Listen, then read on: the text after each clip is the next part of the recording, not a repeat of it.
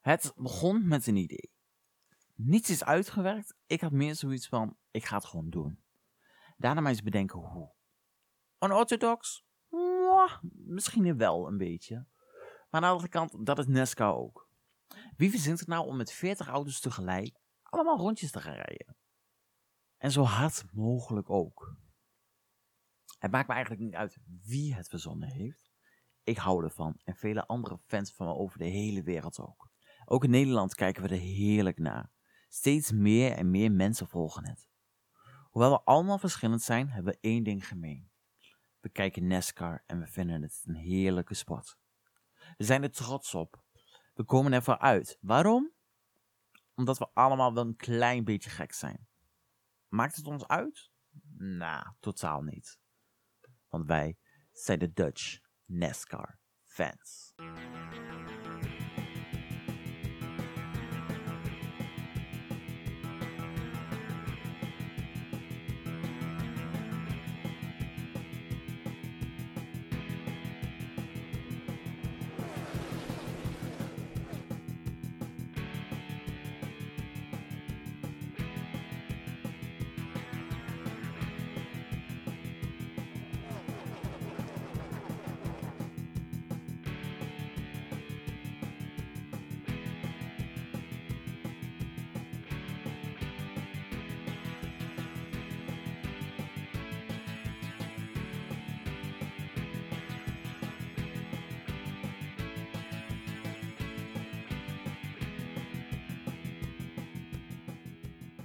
Hallo en welkom bij de allereerste DNF podcast. Een wekelijkse podcast over de wonderlijke wereld die de NASCAR heet.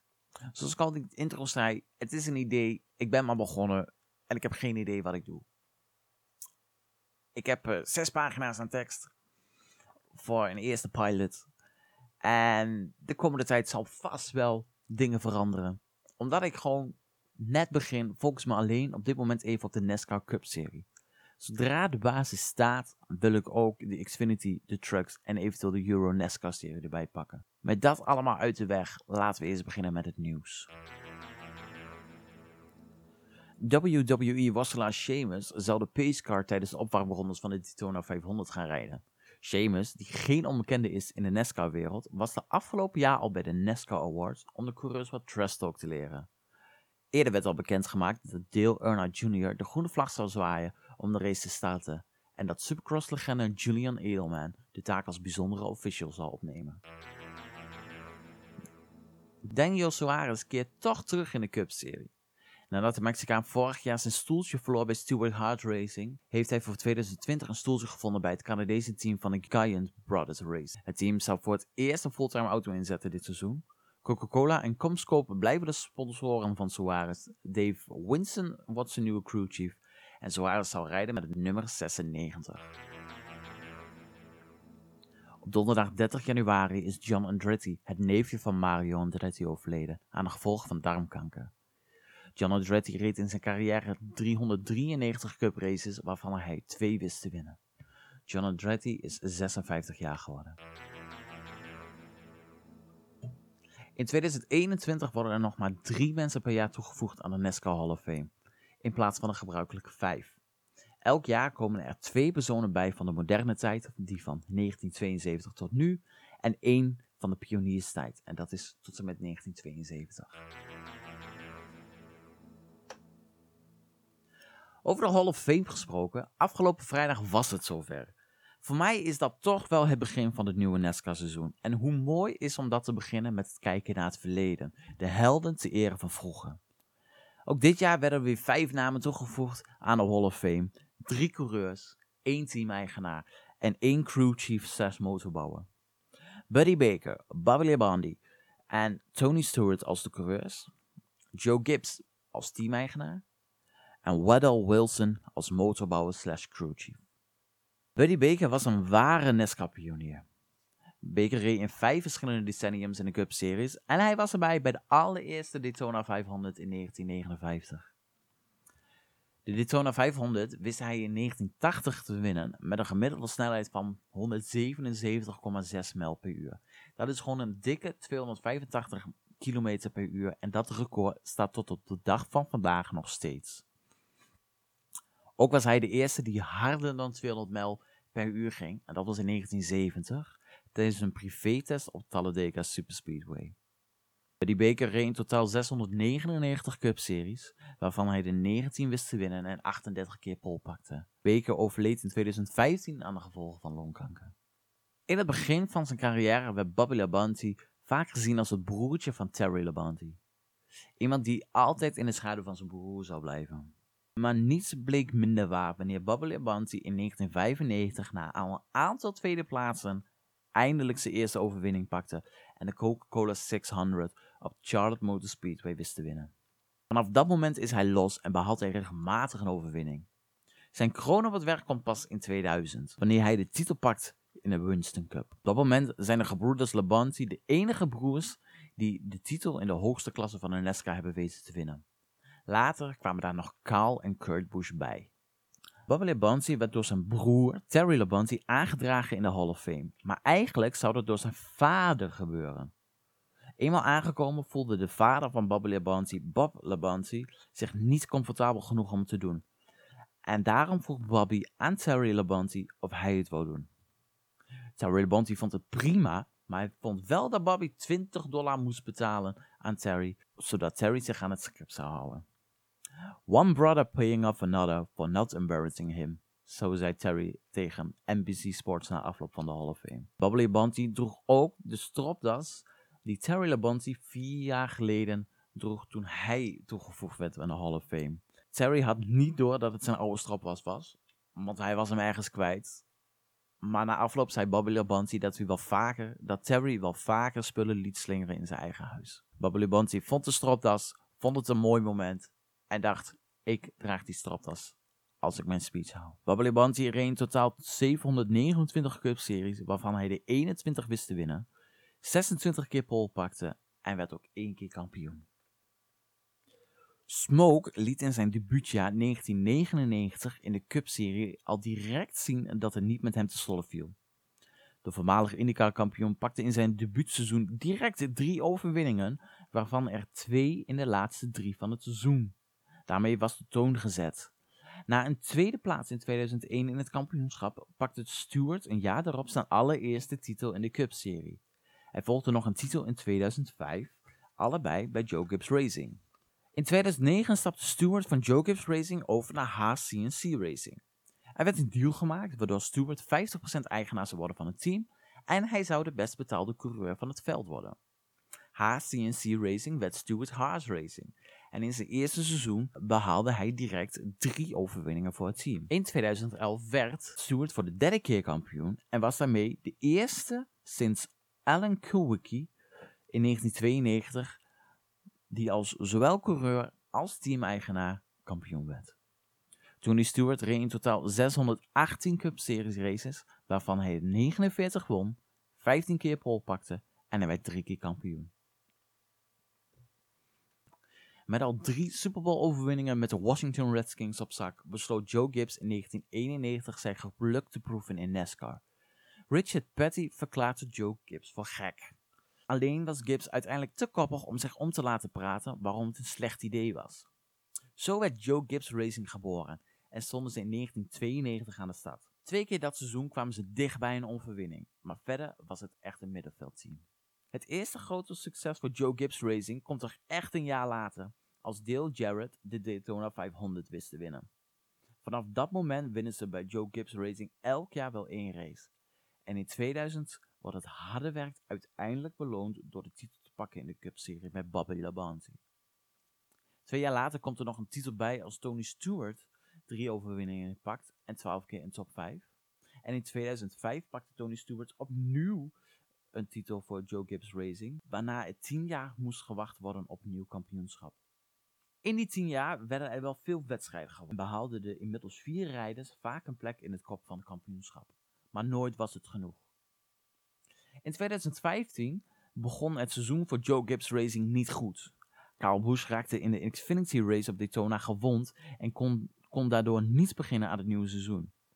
Normaal gesproken moet een coureur proberen zich voor elke wedstrijd te kwalificeren, wil het mee te doen aan de playoffs. NASCAR gaf vrijwel direct Busch een dispensatie voor die regel, waardoor Busch toch eventueel mee kon doen aan de playoffs, mits hij zich via de gewone weg wist te plaatsen. Dat lukte. Hij overleefde de ronde van 16, hij overleefde de ronde van 12, hij overleefde de ronde van 14 door uiteindelijk te komen bij de Championship 4 op Homestead Miami. Die race wist Kyle Busch te winnen, waardoor de vierde titel voor Joe Gibbs Racing een feit was. In 2019 had Joe Gibb drie van de vier auto's bij de Championship voor en Kyle Busch flikte het opnieuw door de wedstrijd te winnen en het kampioenschap te pakken. In totaal reden alle auto's van Joe Gibbs Racing bij elkaar 2020 races. Daarvan pakten ze 140 keer de overwinning, 101 keer stonden ze op pole en Joe Gibbs Racing werd in totaal 5 keer kampioen.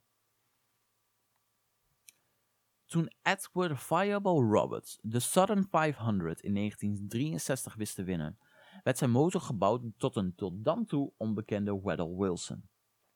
Het was de eerste overwinning met een motor gebouwd door Wilson. Weddell Wilson bouwde sinds begin jaren 60 tot begin jaren 70 de motoren van het NASCAR-team voor Holman Moody. In die periode bij Holman Moody werd David Pearson twee keer kampioen en allebei werden de motoren gebouwd door Weddell Wilson. Begin jaren 70 ging Wilson solo en won samen met Benny Pearson nog een kampioenschap in 1973. Parson reed als eerste coureur ooit op Talladega een kwalificatieronde sneller dan de 200 mijl per uur gemiddeld.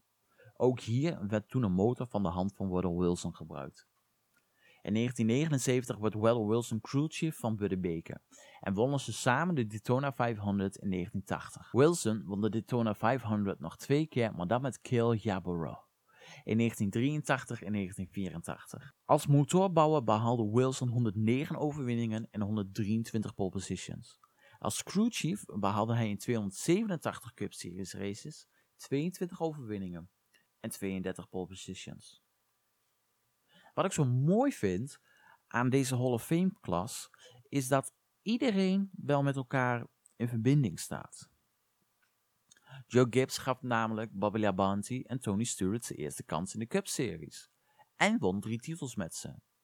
Weddell Wilson was crewchief van Buddy Baker toen hij het snelste, uh, de snelste Daytona 500 ooit wist te winnen. Bobby Labonte was een mentor van Tony Stewart toen hij in 1999 bij Joe Gibbs Racing kwam. Zo is het toch mooi dat al die vijf toch echt een connectie met elkaar hebben Waardoor het niet echt vijf individuen zijn, maar ook echt dat het één geheel is. En dat merkte je ook bij alle speeches die gehouden werden. Iedereen bedankte elkaar en iedereen bedankte de, de, de, de klas van, 2000, van 2020. Zonder, zonder, zonder Bobby Labonte was er waarschijnlijk geen Tony Stewart. En Sony Joe Gibbs Racing was er waarschijnlijk geen Bobby Labonte. En, en zonder de motoren van Weddell Wilson, of zonder de expertise van Weddell Wilson, zou Buddy Baker misschien nooit de Daytona 500 hebben gewonnen. Goed, maar met de Hall of Fame achter ons betekent dat we eindelijk kunnen gaan racen. Voordat we voor het echt gaan, beginnen we dit seizoen eerst, net zoals alle andere seizoenen, met de Clash.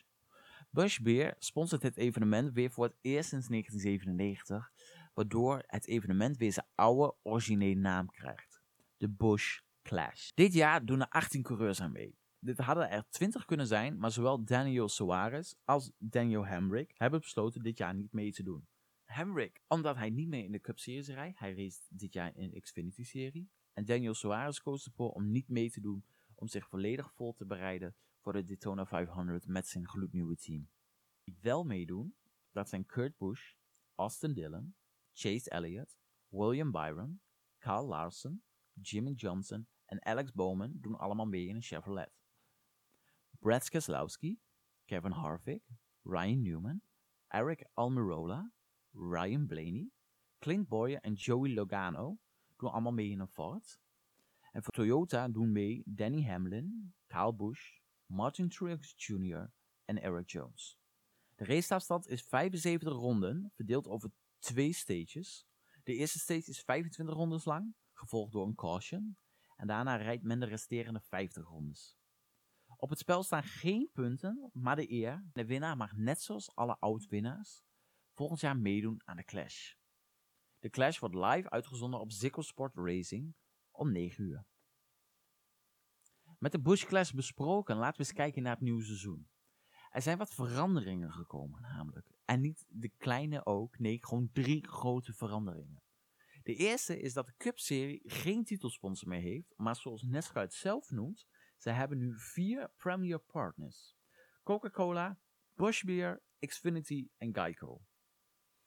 De tweede verandering is dat de finale race niet meer op Homestead Miami Speedway wordt gehouden, maar op de Phoenix Raceway. De race op Homestead Miami wordt nu gereden eind maart na de wedstrijd in Atlanta. Maar dit zijn niet de enige veranderingen op de kalender. Het tweede gedeelte van het seizoen wordt niet meer gestart op Daytona, maar wordt gereden op Indianapolis. De Coke Zero Sugar 400 is nu de afsluitende race van het reguliere seizoen. Na de Daytona 500 gaan de teams direct naar het westen toe in plaats van eerst naar Atlanta.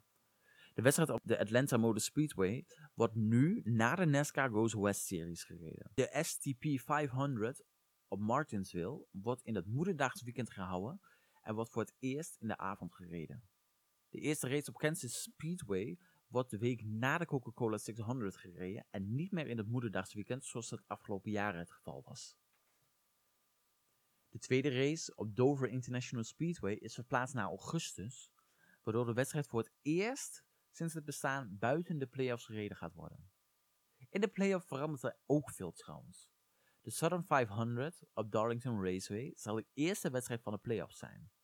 De nachtrace in Bristol vervangt de Roval Race in Charlotte als laatste race van de ronde van 16, terwijl de Roval Race op Charlotte de laatste race van de ronde van 12 wordt. Vorig jaar was de, de tweede race op Kansas Speedway de laatste race in de ronde van 12, maar er wordt nu de eerste race in de ronde van 8. En de tweede race op Martinsville Speedway wordt nu de laatste race van de ronde van 8. En dan sluiten we de championship vooraf op Phoenix Raceway. Er is dit seizoen ook een dubbelheader op Pocono Raceway. Hier worden zowel op zaterdag als op zondag een race gereden. De race op zaterdag is 325 mijl en start is de volgorde zoals ze die gewend zijn, via een kwalificatie op de vrijdag. De race op zondag is 350 mijl en moet met dezelfde auto gereden worden als waar men op zaterdag mee gereden heeft. Natuurlijk mag men van zaterdag op zondag sleutelen aan de auto, maar het chassis en de motor en dergelijke moeten hetzelfde zijn. De startopstelling voor de race van zondag is net wat anders. Deze wordt niet via kwalificatie gedaan, maar wordt naar de raceuitslag van zaterdag gekeken. En alle rijders die in de uh, ronde van de leider zitten, worden omgedraaid. Dus stel, de nummer 20 zit nog in de ronde van de leider en de nummer 21 niet meer. Dat betekent dat de nummer 20 van de race op zaterdag de pole position heeft van de race op zondag. En dat de winnaar van de race op zaterdag als twintigste begint aan de race van zondag. De rest van de startposities worden ingevuld waarop men gefinished is in de race van zaterdag. Dit zijn dus al 13 veranderingen dit seizoen. Vorig jaar waren er maar liefst twee. Twee kleine. Een tijdsverandering in Las Vegas en een andere circuitlayout op de Sonoma Raceway derde grote verandering is dat de oval races van een mijl en korter en de normale circuits het aerodynamische pakket anders zou zijn. De grootste verandering is dat er minder downforce is. Dit lijkt mij een uitstekende regel, want ik had vorig jaar soms wel zoiets dat we naar een optocht zitten te kijken, dan naar echt NASCAR racen. En helemaal met in ons achterhoofd houden dat de laatste race op Phoenix Raceway wordt gehouden. En die oval is een mijl lang. Het zou dus niet zo zijn dat we de laatste race, wat echt rete spannend moet zijn, dat we die als optocht gaan zien.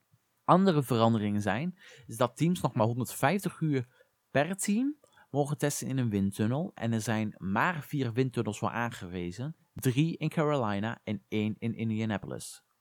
Het aantal crewleden per auto wordt ook teruggebracht. Van 12 naar 10. Er mogen maximaal 12 chassis gebruikt worden dit seizoen. En een auto moet minimaal 8 races met één en dezelfde motor rijden. Ook zal dit het laatste jaar zijn dat men met de zogenoemde Gen 6 auto gereden gaat worden. Goed, nu is alles besproken wat besproken moet worden. Tijd voor de voorspellingen. Als er iets lastig is om te voorspellen, dan is dat een compleet NASCAR Cup seizoen. Niks is wat het lijkt. Je hebt wel de mensen die denken dat je gaat winnen, maar er hoeft maar een crash te zijn of een boze coureur en de auto ligt in de muur. Ik zou je de namen geven waarvan ik denk dat ze de Big Four zullen winnen. Dat is dus de Daytona 500, de Coca-Cola 600, de Brickyard 400 en de Southern 500. Ik durf je alle namen te geven die in de playoffs te komen. Ik durf je de championship voornamen te geven. En ik durf je te zeggen wie de winnaar gaat worden van de NASCAR Cup Serie 2020. Laten we beginnen met de Big Four races. Ik denk dat de Daytona 500 gewonnen gaat worden door Kyle Busch. Hij heeft het er al een tijdje over namelijk. Dit is nu zijn vijftiende keer dat hij de Daytona 500 wil gaan winnen. Hij heeft niet zo heel veel zin om een guy te zijn die net zoals alle anderen 20 keer moet proberen om te winnen. Nee, hij wil hem nu winnen. Maar het is ook nog de enige van de Big Four die hij nog nooit gewonnen heeft. Plus hij zit in een goede flow. Hij heeft de laatste wedstrijd om Homestead gewonnen. Is de huidige Cup Serie kampioen. Dus ik denk dat Kyle Busch de Daytona 500 gaat winnen. De Coca-Cola 600 gaat gewonnen worden door William Byron. Waarom? Omdat hij er klaar voor is. Ik weet dat hij grote schoenen moest vullen door uiteindelijk de nummer 24 auto over te nemen. Maar hij is er klaar voor. Hij was er regelmatig dichtbij. Hij heeft ervaring nu opgebouwd. Hij is klaar voor om de wedstrijd te winnen. En waarom zou je dan niet meteen de allereerste wedstrijd winnen en de Coca-Cola 600 winnen? De Brickyard 400 gaat gewonnen worden door Kevin Harvick. Kevin Harvick heeft al een aantal seizoenen op rij dat hij dezelfde wedstrijd twee keer achter het jaar wint.